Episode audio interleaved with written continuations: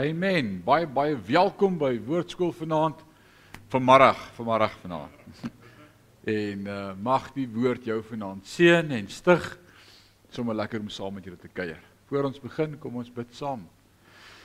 Ewige God en Hemelse Vader, wat 'n groot voorreg vanaand om U te kan grootmaak en te kan loof as koning. Dankie vir die woord. Dankie dat die woord vir ons elke keer as ons dit oopmaak nuut en vars is. Dankie vir die awesome Heilige Gees wat ons leer en lei in die volle waarheid. En ek wil vanaand bid Heilige Gees dat U hierdie woord vir ons sal oopbreek soos brood dat U ons sal kom voer daarmee in hierdie aanduur. Ons eer U daarvoor in Jesus naam en sê ons sê amen en amen. Loof die Here. En elkeen wat hier is, baie welkom en elke kyker by die huis wat saam met ons online kyk. Dit is so lekker om saam te kan kuier. Ons is besig met Tessalonisense. Maklike woord, né? Tessalonisense. Eerste hoofstuk, tweede eerste boek, tweede hoofstuk vanaand. En ons weet hierdie is 'n boek geskryf deur Paulus. Sy hoeveelste boek was dit? Die eerste boek aan die eerste gemeente en dan skryf hy 'n jaar nadat hy daar was vir hulle en ons het die raamwerk van Tessalonisense in hoofstuk 1 vers 3 raak gelees en dis ook die layout van hierdie hele boek is ons onthou voortdurend hoe julle geloof dade word hoe julle hart julle liefde julle laat hard werk en hoe julle aanhou hoop so hierdie drie voeg goed geloof liefde en hoop en dis ook hoe hy hierdie boek in hierdie drie fases opdeel. Hoofstuk 1, hoofstuk 2 vanaand en volgende week se hoofstuk 3 praat oor hulle geloof. Hoe het tot die geloof gekom het? Die fondasie van die geloof waarop hulle bou. Ons gaan vanaand lekker daaroor gesels en dan kom ons by hoofstuk 4 gaan ons deel oor 'n liefde.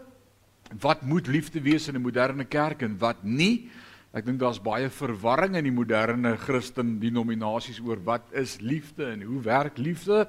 broederliefde en dan in hoofstuk 5 gaan ons praat oor die toekoms, die wegraping ook ons hoop en jy sê amen.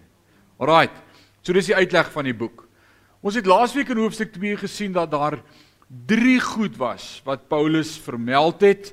Hy het gesê in hoofstuk uh, 2 vers 10, 11 en 12 het hy gesê of ons het soos 'n ma met julle gewerk, hierdie ongelooflike liefde soos 'n ma wat 'n kind aan haar laat drink of ons het met julle gewerk soos medebroeders en of ons het met julle hart aangespreek soos 'n pa sy kind aanspreek. Een van my vriende, 'n pastoor iewers daar bo in die noorde bel my die week. Hy sê ek gaan jou nou aanspreek soos 'n pa met sy seun praat. Ek sê waarvan praat jy? Sê nie jy dink ek luister nie na jou preke nie.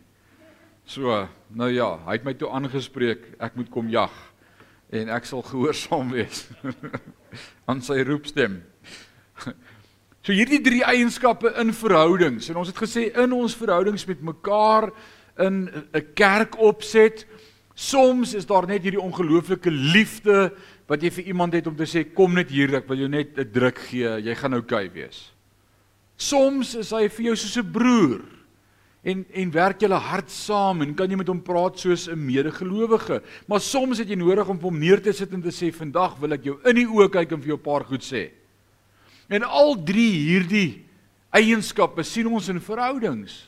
Ons is nie altyd dieselfde nie, is dit nie so nie Attie? Daar kom tye wat ek sê ek is nou my nice is nou op. Ek hoor nou die dag iemand sê so my nice is nou op. Nou gaan ek die waarheid reguit praat. Right, so soms het ons nodig, maar ek sien iets verder as dit wat ek graag met julle wil deel wat vir my so so awesome is. So Paulus praat met hierdie gemeente en hy sê ons het met julle die waarheid kom praat van die woord, ons het die geloof kom lê soos 'n ma, daardie liefde, soos 'n broer, maar ook soos 'n pa wat hard praat. En ek dink oor hierdie 3 fasette van verhoudings in ons lewe. En ek wil vanaand dit 'n stappie verder vat en vir jou vra, het jy al daaraan gedink dit verteenwoordig ook die verhouding tussen die Heilige Gees en Jesus en God die Vader. Dink mooi.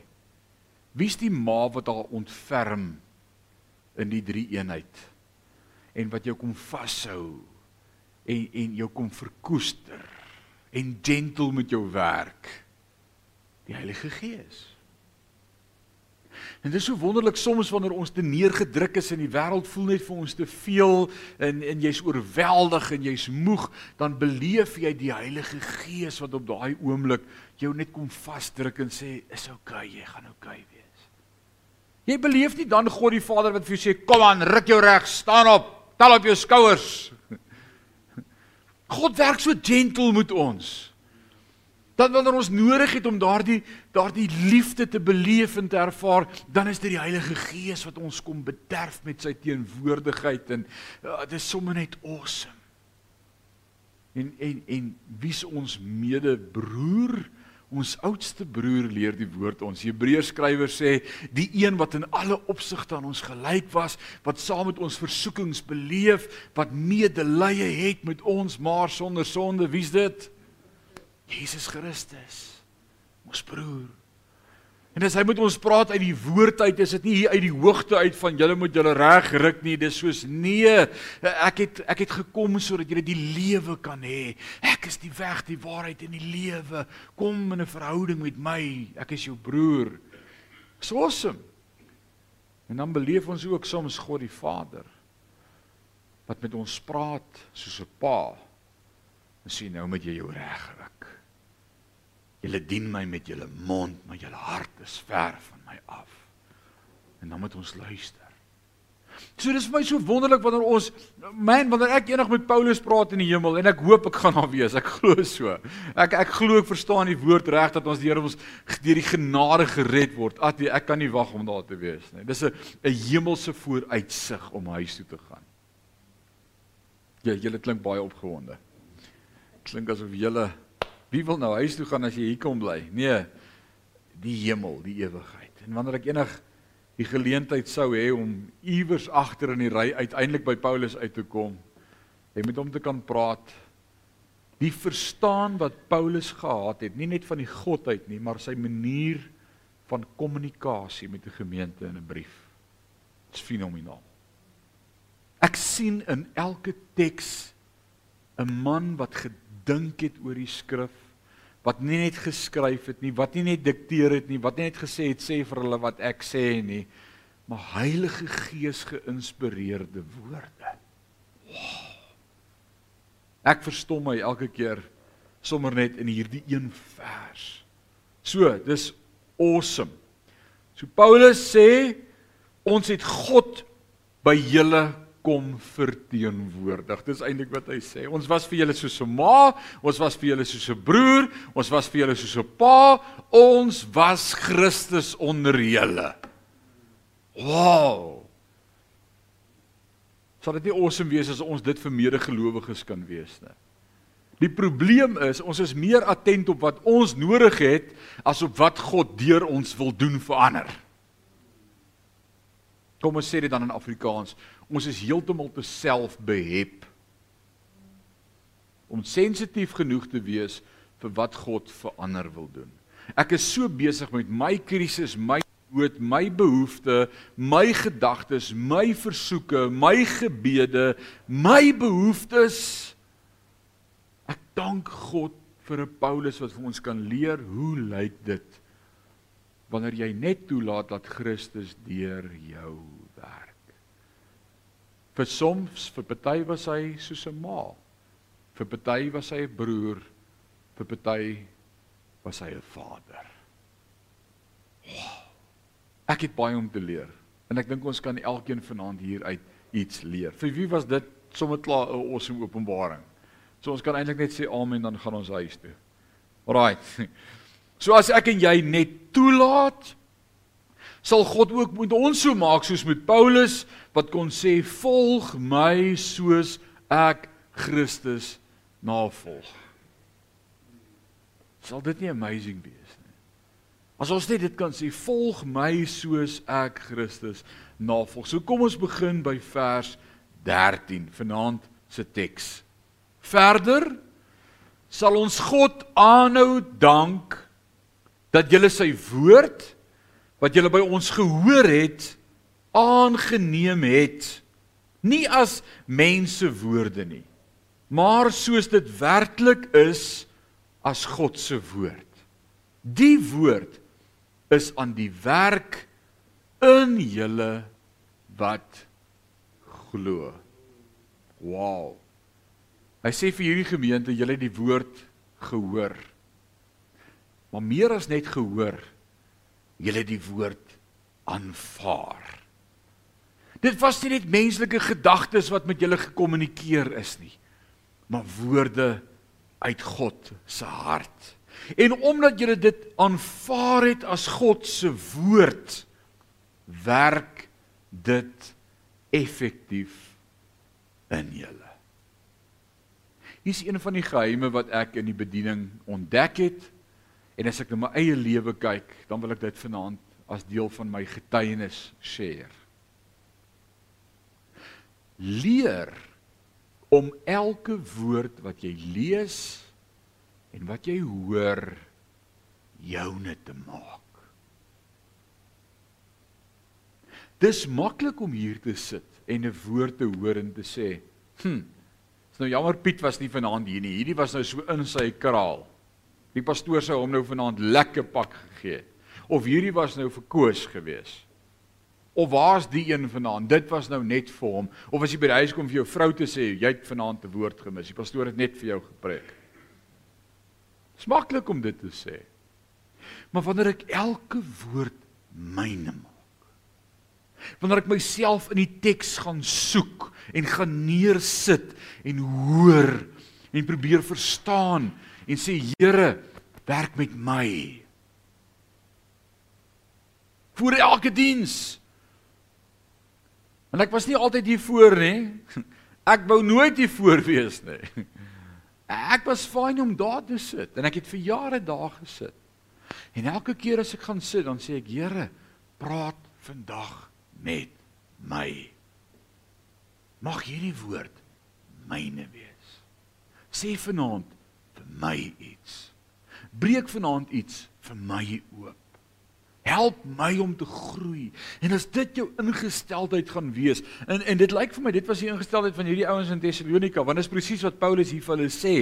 Hy sê julle het die woord aanvaar, nie net as woorde wat ons gepreek het nie, maar asof dit woorde uit God uit was. En ek dink dis die verskil.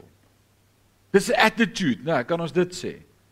Omdat julle die woord aanvaar, werk dit effektief. Ek wil vanaand sê hierdie woord wat ek en jy so deel waarmee ons besig is, dis nie net goeie opinies en meninge oor die woord van God nie. This is not good views.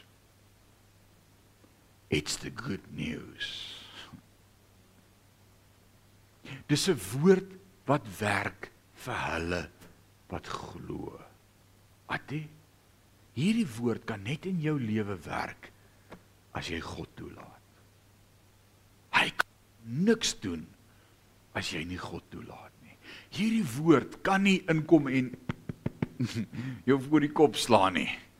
Hy kan nie jou maak om ding maar wanneer ek oorgee en sê ek vat dit. En dis wat hierdie gemeente gedoen het. Hulle het oorgegee. Nou dis verstommend die parallelle en ek wil jou vanaand hiermee bless want dit was vir my so blessing. Die parallelle tussen die geskrewe woord en die lewende woord Jesus Christus. Hierdie is die geskrewe woord. Dis God se woord. Maar ek gaan vanaand vir jou 'n paar goed wys en wanneer jy by die huis kom wil ek hê jy moet kyk of jy 'n paar meer goed kan neerpen as dit wat ek sommer vanmiddag hier neer gegriffel het. Die beginsel tussen die geskrewe woord en die lewende woord. Jesus Christus. Albei word die woord genoem. Albei word die woord genoem. Jesus sê Johannes 1 vers 1 vind ons hierdie vertrekpunt vir hierdie gedagte.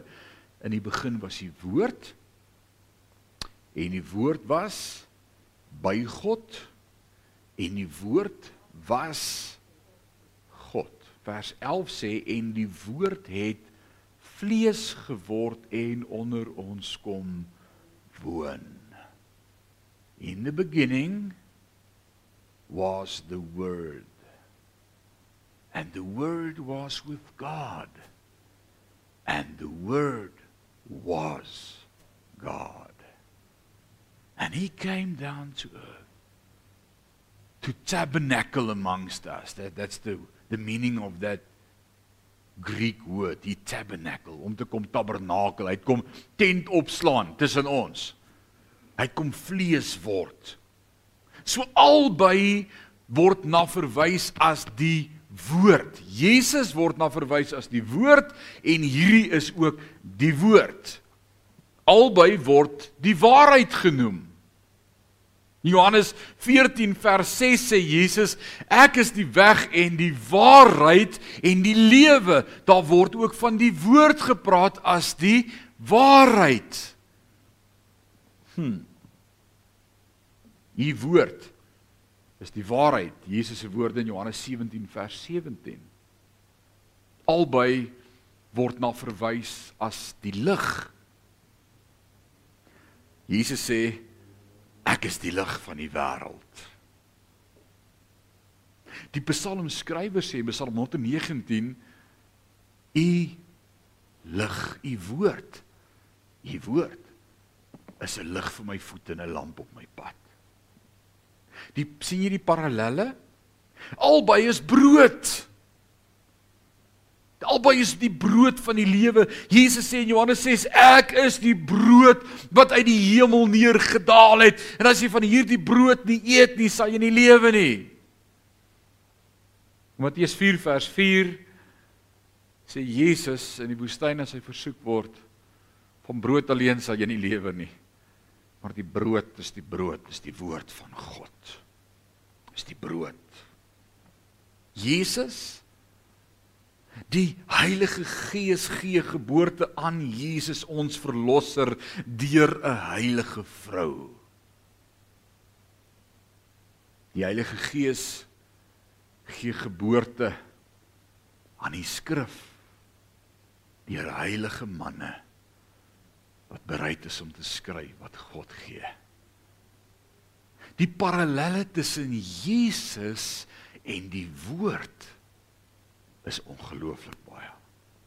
En daarom as jy tyd maak met die woord, gaan jy in elke versie of jy nou besig is met 'n geslagsregister en of jy besig is met geskiedenis en of jy besig is om deur die testament te blaai, jy gaan Jesus ontdek.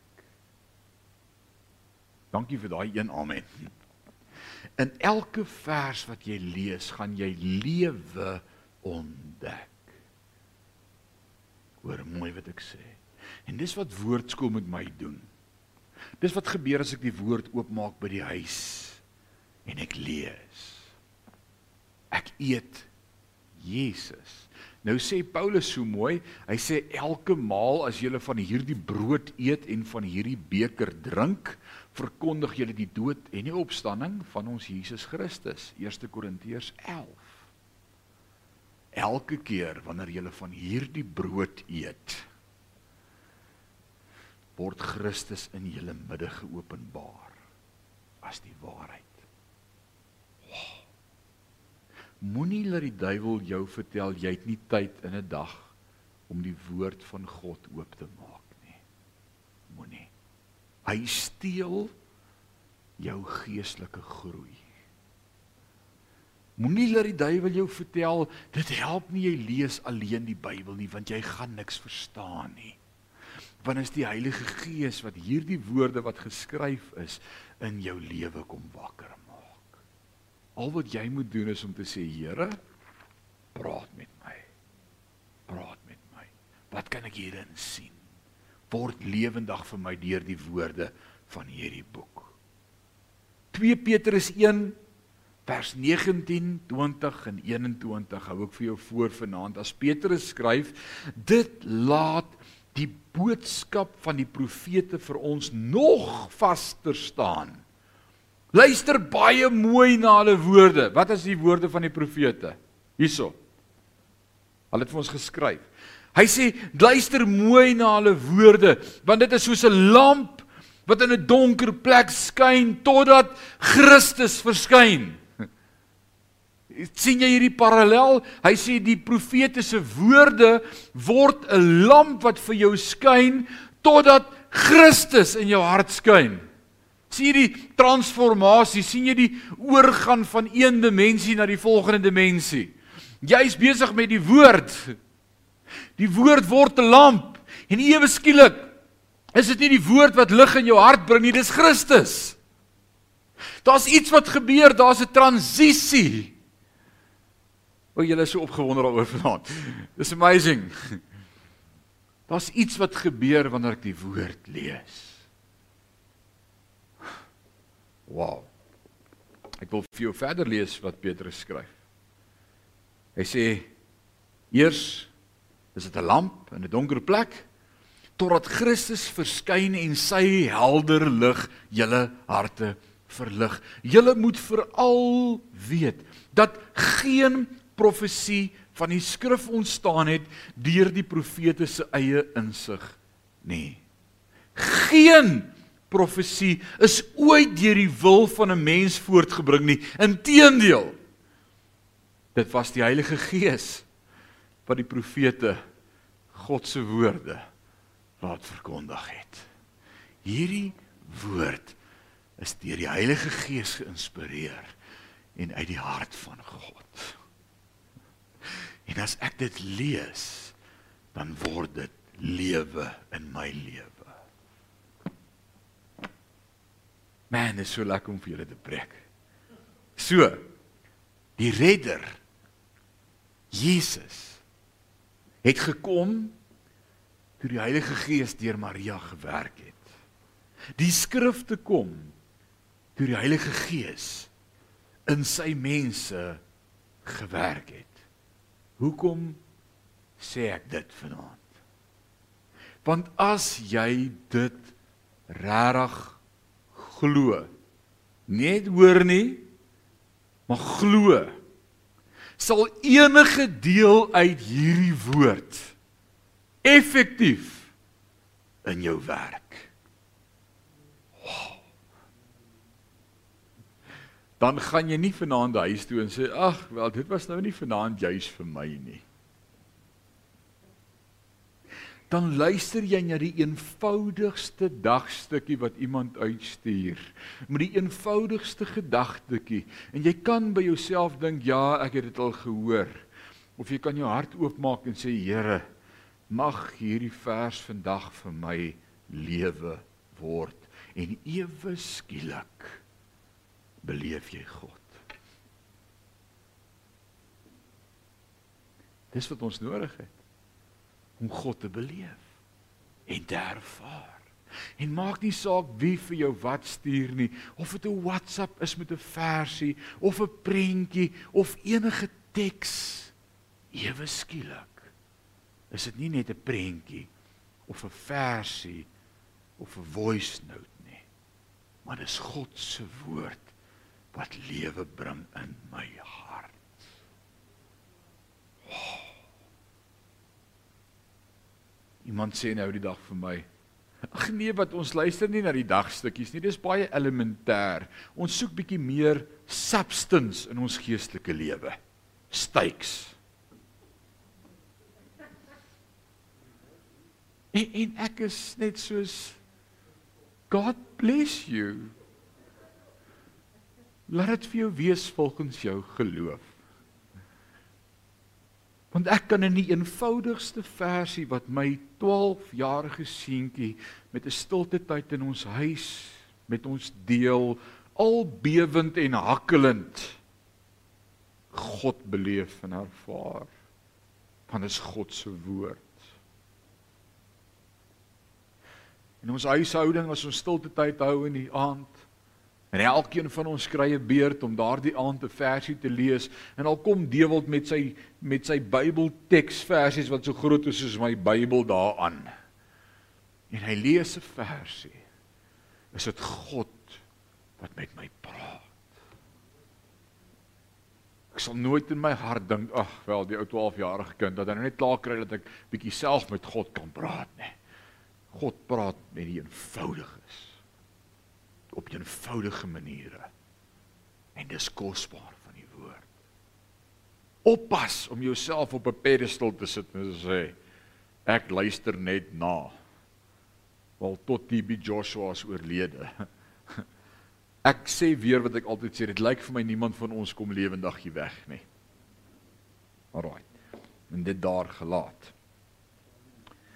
Die woord is kosbaar. Maak nie saak wie dit bring nie. Dis kosbaar. En dit sal werk vir die wat daarin glo. Vers 13 nog steeds. Ons bly by vers 13. Let mooi in vers 13. Ek weet nie hoe lees jou Bybelvertaling dit nie, maar in vers 13 word die begrip aangeneem twee keer vermeld. Hy sê dat julle sy woord wat julle by ons gehoor het aangeneem het. So jy dit aanvaar nie as mense woorde nie, maar aangeneem soos dit werklik is as God se woord. En ek wil sê baie keer sit ons hier onder in 'n gehoor en ons hoor die woord en jy neem dit aan as die preek en jy aanvaar dit as die preek, maar jy aanvaar dit nie as God wat met jou praat nie. En ek wil sê dan verander dit nie jou lewe nie. Dis die tipe preke wat ek sê, "Jog, jy moes daar gewees het. Die pastoor het vanaand net vir jou gepreek." Ja, dit was woord van God maar nie vir my nie. Dit was vir iemand anders. Hierdie woordjie, die eerste woord aanvaar, jy het dit aanvaar nie as mense woorde nie, is die Griekse woordjie wat sê accept it. Dis dis maar hoe dit is. Ja, dis as dit gaan God sê, dan is dit so. Dis so.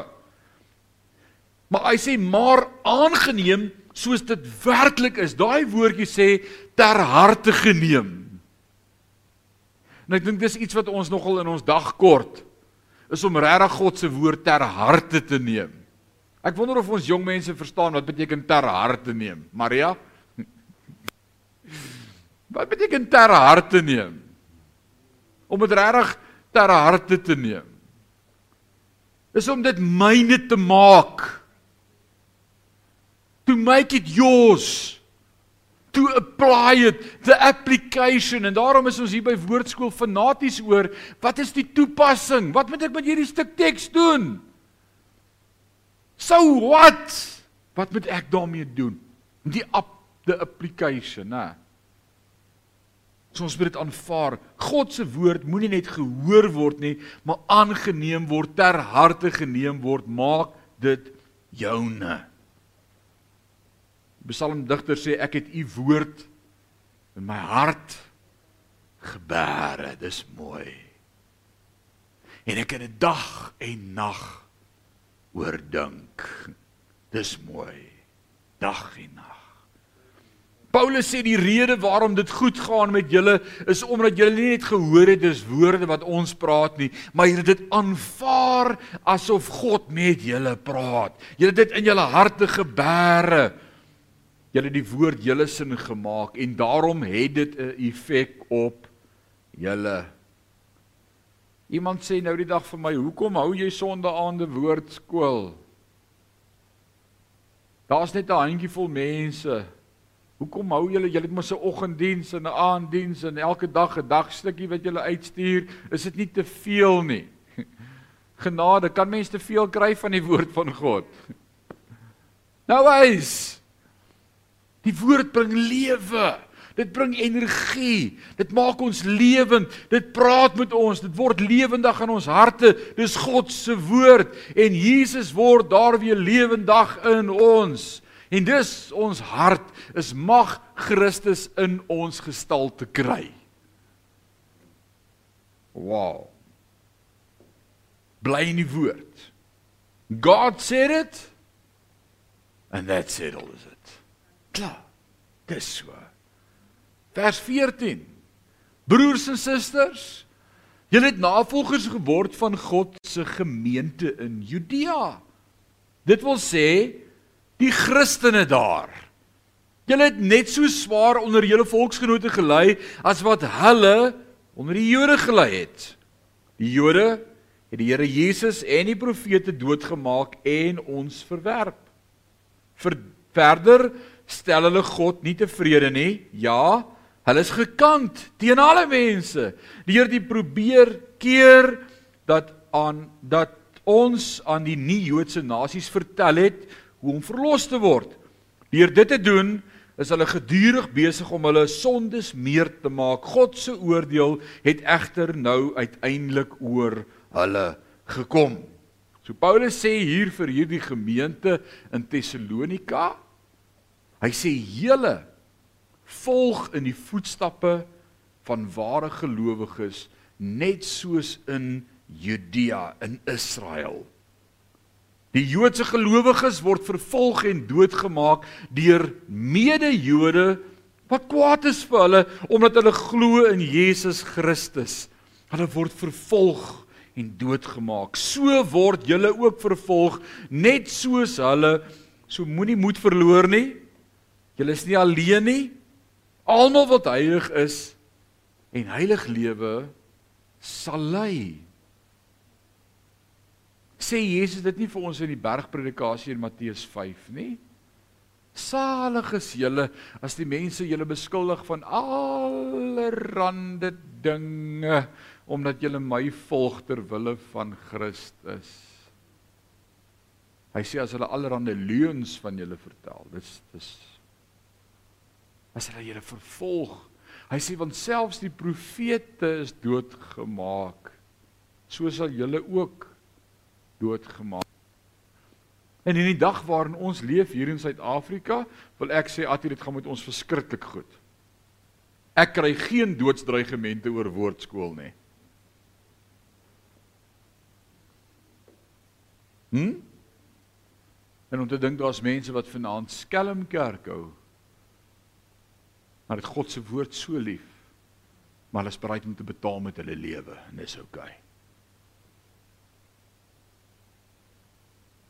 Kry in hierdie week hoeveel WhatsApps vir my wat sê pastoor bid. Die regering gaan alles in hulle vermoë probeer met hierdie nuwe wetgewing om kerke toe te maak en deure toe te maak. Ek sê loof die Here, bring dit on. Wat? Gaan jy nie die petisie vorm onderteken nie? Nee. Dankie Dion. Ons kan nie nou al die jare wat ons glo God is in beheer nou begin twyfel nie. Dalk is dit net wat die kerk nodig het, bietjie vervolging. Dalk is dit net wat ons nodig het om uit ons gemakstoele uitgeruk te word op ons knieë om God te begin soek, regtig soek. Dalk is dit wat juis die skeiding in die kerk gaan bring tussen die bokke en die skape en dis wat die woord my leer in die laaste dae sal gebeur. Gaan lees weer Matteus 25. Hier in Suid-Afrika word al die kerke gesis. En ons het nie vervolging nie en ons kan sê wat ons wil en doen wat ons wil. O oh man, dit is tyd dat die kerk God begin soek. En daar's niks wat heiligmaking teweegbring soos vervolging nie. Wanneer dit jou iets gaan kos, dan meen jy erns daarmee. Daar's hoeveel ouens wat vanaand by die huise sit wat redes en verskoning het vir hoekom hulle nie by die woord kan uitkom nie. Dalk roep hulle dan na God as hulle nie kan kom nie. Wow. Ek is op 'n goeie plek vanaand. Alraai, ek bly alles nie nie. So Paulus sê julle moenie moed verloor nie. Daar's daar's daar's mede Christen gelowiges Jode in Judea wat vervolg word vir hulle geloof. So moenie julle worry dat julle ly vir julle geloof nie. Dis oukei. Okay. En ek wil vanmôre weer vanmôre se se preek wil ek weer aanhaal om te sê wat kan ons skei van die liefde van Christus? Dankie Dion. Niks. Niks. Kan 'n nuwe konstitusie of wetgewing my skei van my God? Nee. Nee. Inteendeel, dit gaan maak dat ek dalk meer na God roep. En dis dalk net wat ons nodig het. Dis hoe herlewing kom. By the way. Vers 17, broers en susters. Nadat ons 'n kort rukkie van julle geskei was, wel uit die oog, maar nie uit die hart nie, het ons hart probeer om julle persoonlik weer te sien omdat ons baie na julle verlang.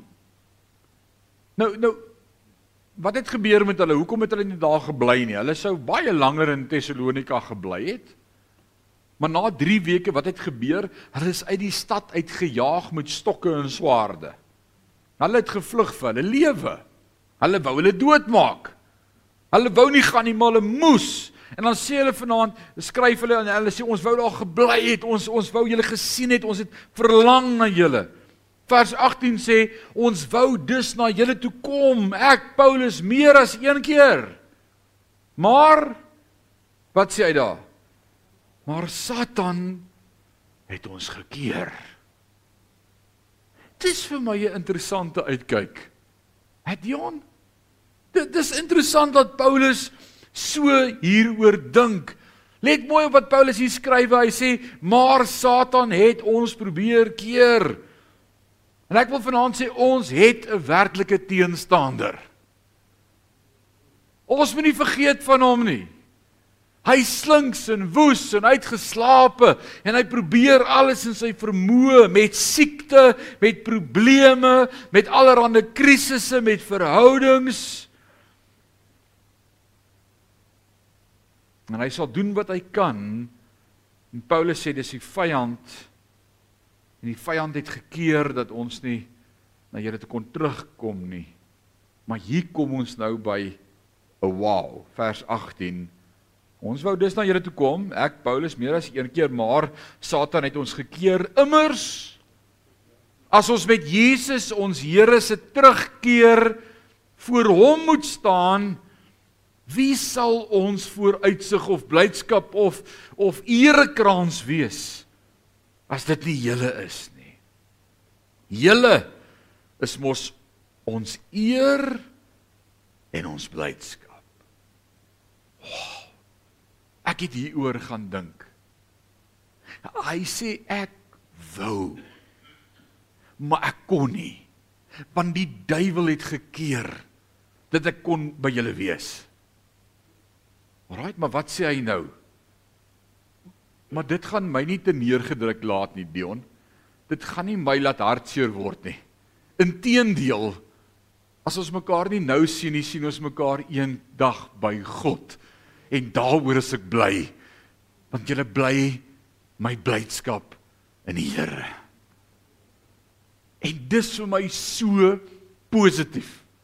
En daarom Jakobus leer ons, die halfbroer van Jesus, hy skryf vir ons in Jakobus, hy sê julle wat sê môre gaan ek hierna en môre gaan ek na die stad toe en môre gaan ek dit doen. Hy sê julle weet nie wat môre bring nie.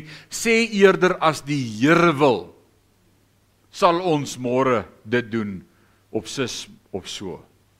En ek onthou die ou mense het nogal baie. Ek het groot geword in my ouma en oupa se huis het gereeld die woord gebruik as die Here wil. Kan jy dit onthou? Wanneer laas het ons dit gebruik in ons woordeskat? Nee wat, môre oggend 8uur, ek sê nou vir jou, dan gaan dit regtig as die Here wil. Paulus sê die duiwel probeer keer dat ons nie kan kom nie. Maar God bly in beheer daardie dag by hom as hy kom gaan ons voor sy troon staan en dan gaan ons blydskap volkome wees. Weet jy wat dit hierdie vir my kom beteken? Hierdie gedeelte om ook soms vrede te maak dat goed nie gebeur soos wat ek en jy beplan nie. Hm. Wie van julle se appelkar keer nogal heeltemal om as dinge nie gebeur soos jy gedink het nie? Wie van julle het ook daardie siekte? Ja nee. Ek wil dit so gehad het en nou gebeur dit nie so nie en nou is alles alles deurmekaar. Dis nie Paulus se hart hier nie. Paulus se hart is ek het 'n begeerte gehad. Ek het 'n plan gehad. Ek het 'n droom gehad, maar dis oukei okay as dit nie gebeur nie want die ou duiwel is 'n vuil goed en hy sit sy vinger oral. Maar weet jy wat? Eendag as ons voor God staan, is my blydskap volkome want julle gaan daar wees en dis oukei. Okay. En dit het so vrede in my hart gebring Ek moes met 'n paar goed vir die Here sê, Here, ek wou dit en dit en dit. Maar die vuil goed het gekeer dat dit nie kan gebeur nie. Maar dis oukei. Okay, want U bly in beheer. Dit gaan jou lewe verander as jy so oor jou verhouding met God begin dink wanneer jy dinge wil reël op jou terme en op jou kondisies en op jou tyd en op jou skedule gaan die appelkar omgooi elke keer as iets anderster gebeur. Jy gaan jou speelgoed uit die kot gooi. Broer. Maar ons het 'n vyand en hy's 'n werklikheid. En al gebeur dinge nie soos ek beplan het nie Julle is mos ons eer en ons blydskap. Ek gaan nie my blydskap laat verlore gaan oor dinge nie gebeur het soos ek gedink het nie. God bly in beheer. Hierdie woord het my vanmiddag so gestig en opgelig en 'n smile op my gesig gesit om te sê maak nie saak hoe ek beplan nie, maak nie saak wat ek wou nie. God bly in beheer. Ek ek ek praat met 'n senior persoon wat op pensioen gegaan het. En ek sê vir hom sê vir my hoe die lewe vir jou uitgespeel. Was dit soos wat jy beplan het? Mense het mos jou jou lewe voor jou en jy jy beplan jou lewe en jy sê op 30 wil ek begin kinders kry tot op 50 dan ons 10 kinders en dan op op 55 jy jy het mos hierdie idees of ek soek 'n hele rugby spannetjie jy weet en, en jy het hierdie idees in jou kop van as ek as ek 40 is wil ek finansiëel onafhanklik wees en my huis moet betaal wees en my kar moet klaar betaal wees en ek soek 'n huis by die see en en dis hoe my storie gaan uitspeel Kom aan, jy het jou planne en jou drome gehad vir jou lewe. En dan kom die vyand en hy keer soms die appelkar om. En hulle laat my dink aan die storie van ou Job. Toe God vir vir die duiwel sê, "Het jy gelet op my knegg Job?" Hy breek met Job by die duiwel. Hy sê jy mooi gekyk na hom. Hy's 'n godsvreesende man en hy dien my. En die duiwel sê vir God, hy dien jou net omdat jy hom bless. En God sê, "Ag, dit is nie waar nie. Gaan toets hom. Vat alles van hom weg as jy wil, maar jy raak nie aan Job se lewe nie." Job se appelkar word omgegooi. En sy drome vir sy ou dag en sy huisie by die see word verbrand. En al sy vee en sy lande en sy kinders plaas vir die duiwel sy vrou. Maar eh, alles verloor hy. Ons moet dit uitedit, hoor. Alles verloor hy. Op een dag. Alles. Maar dit was nie Job se vreugde nie. Job se vreugde was sy verhouding met God. Nogtans is my blydskap in die Here. Nie my wil nie, maar U wil. En God wil so graag met ons as sy kinders breek by die duiwel. Het jy gelet op my knegg? En as ek so bang, ek stel God teleur. Wanneer ek getoets word, dat die duiwel sê, sien jy, hy het jou net gedien omdat dit met hom goed gegaan het. Though my world may fall, I'll never let you go. My savior, my closest friend, I will worship you until the very end. Jesus, lover of my soul. Jesus, I will never let you go. Dalk het jy in jou lewe al 'n paar goed verloor en jou lewe het anders uitgespeel as wat jy gedink het. My blydskap is dat ek eendag by hom gaan wees. En daarom was vanmôre se woord so vir ons vir nou. Niks kan ons skei van die liefde van Christus nie. Eers die dood nie. Inteendeel, Paulus leer ons in Romeine 7, die dood is juis die hulpmiddel om jou vinniger by God te kry. So bring dit. Ek wil vanaand vir jou sê jy is meer as oorwinnaar in Christus. Jy is mede-erfgenaam. En jy het 'n wonderlike vooruitsig saam met Christus. Hou daaraan vas. Kom ons bid. Vader, wat 'n voorreg vanaand om u woord te kon hoor, u woord te kon oopmaak, u woord te kon sien en die woord te kan verstaan. Dankie vir wat dit in ons lewe doen. Dankie dat ons aan u kan vashou. Dankie dat ons blydskap nie in materiële dinge of in ons drome gesetel is nie maar in u plan vir ons lewe. Help ons om daarmee vrede te maak. Om dieselfde hart te hê as 'n Paulus wat sê ek wou kom die duiwel het my gestop maar nog steeds is jy my pride my joy eendag voor Christus ons oog gefestig op Jesus Christus, die leidsman en die volëinder van ons geloof. Hou ons staande. Hou ons oog op U. Dis my gebed in Jesus naam. Amen.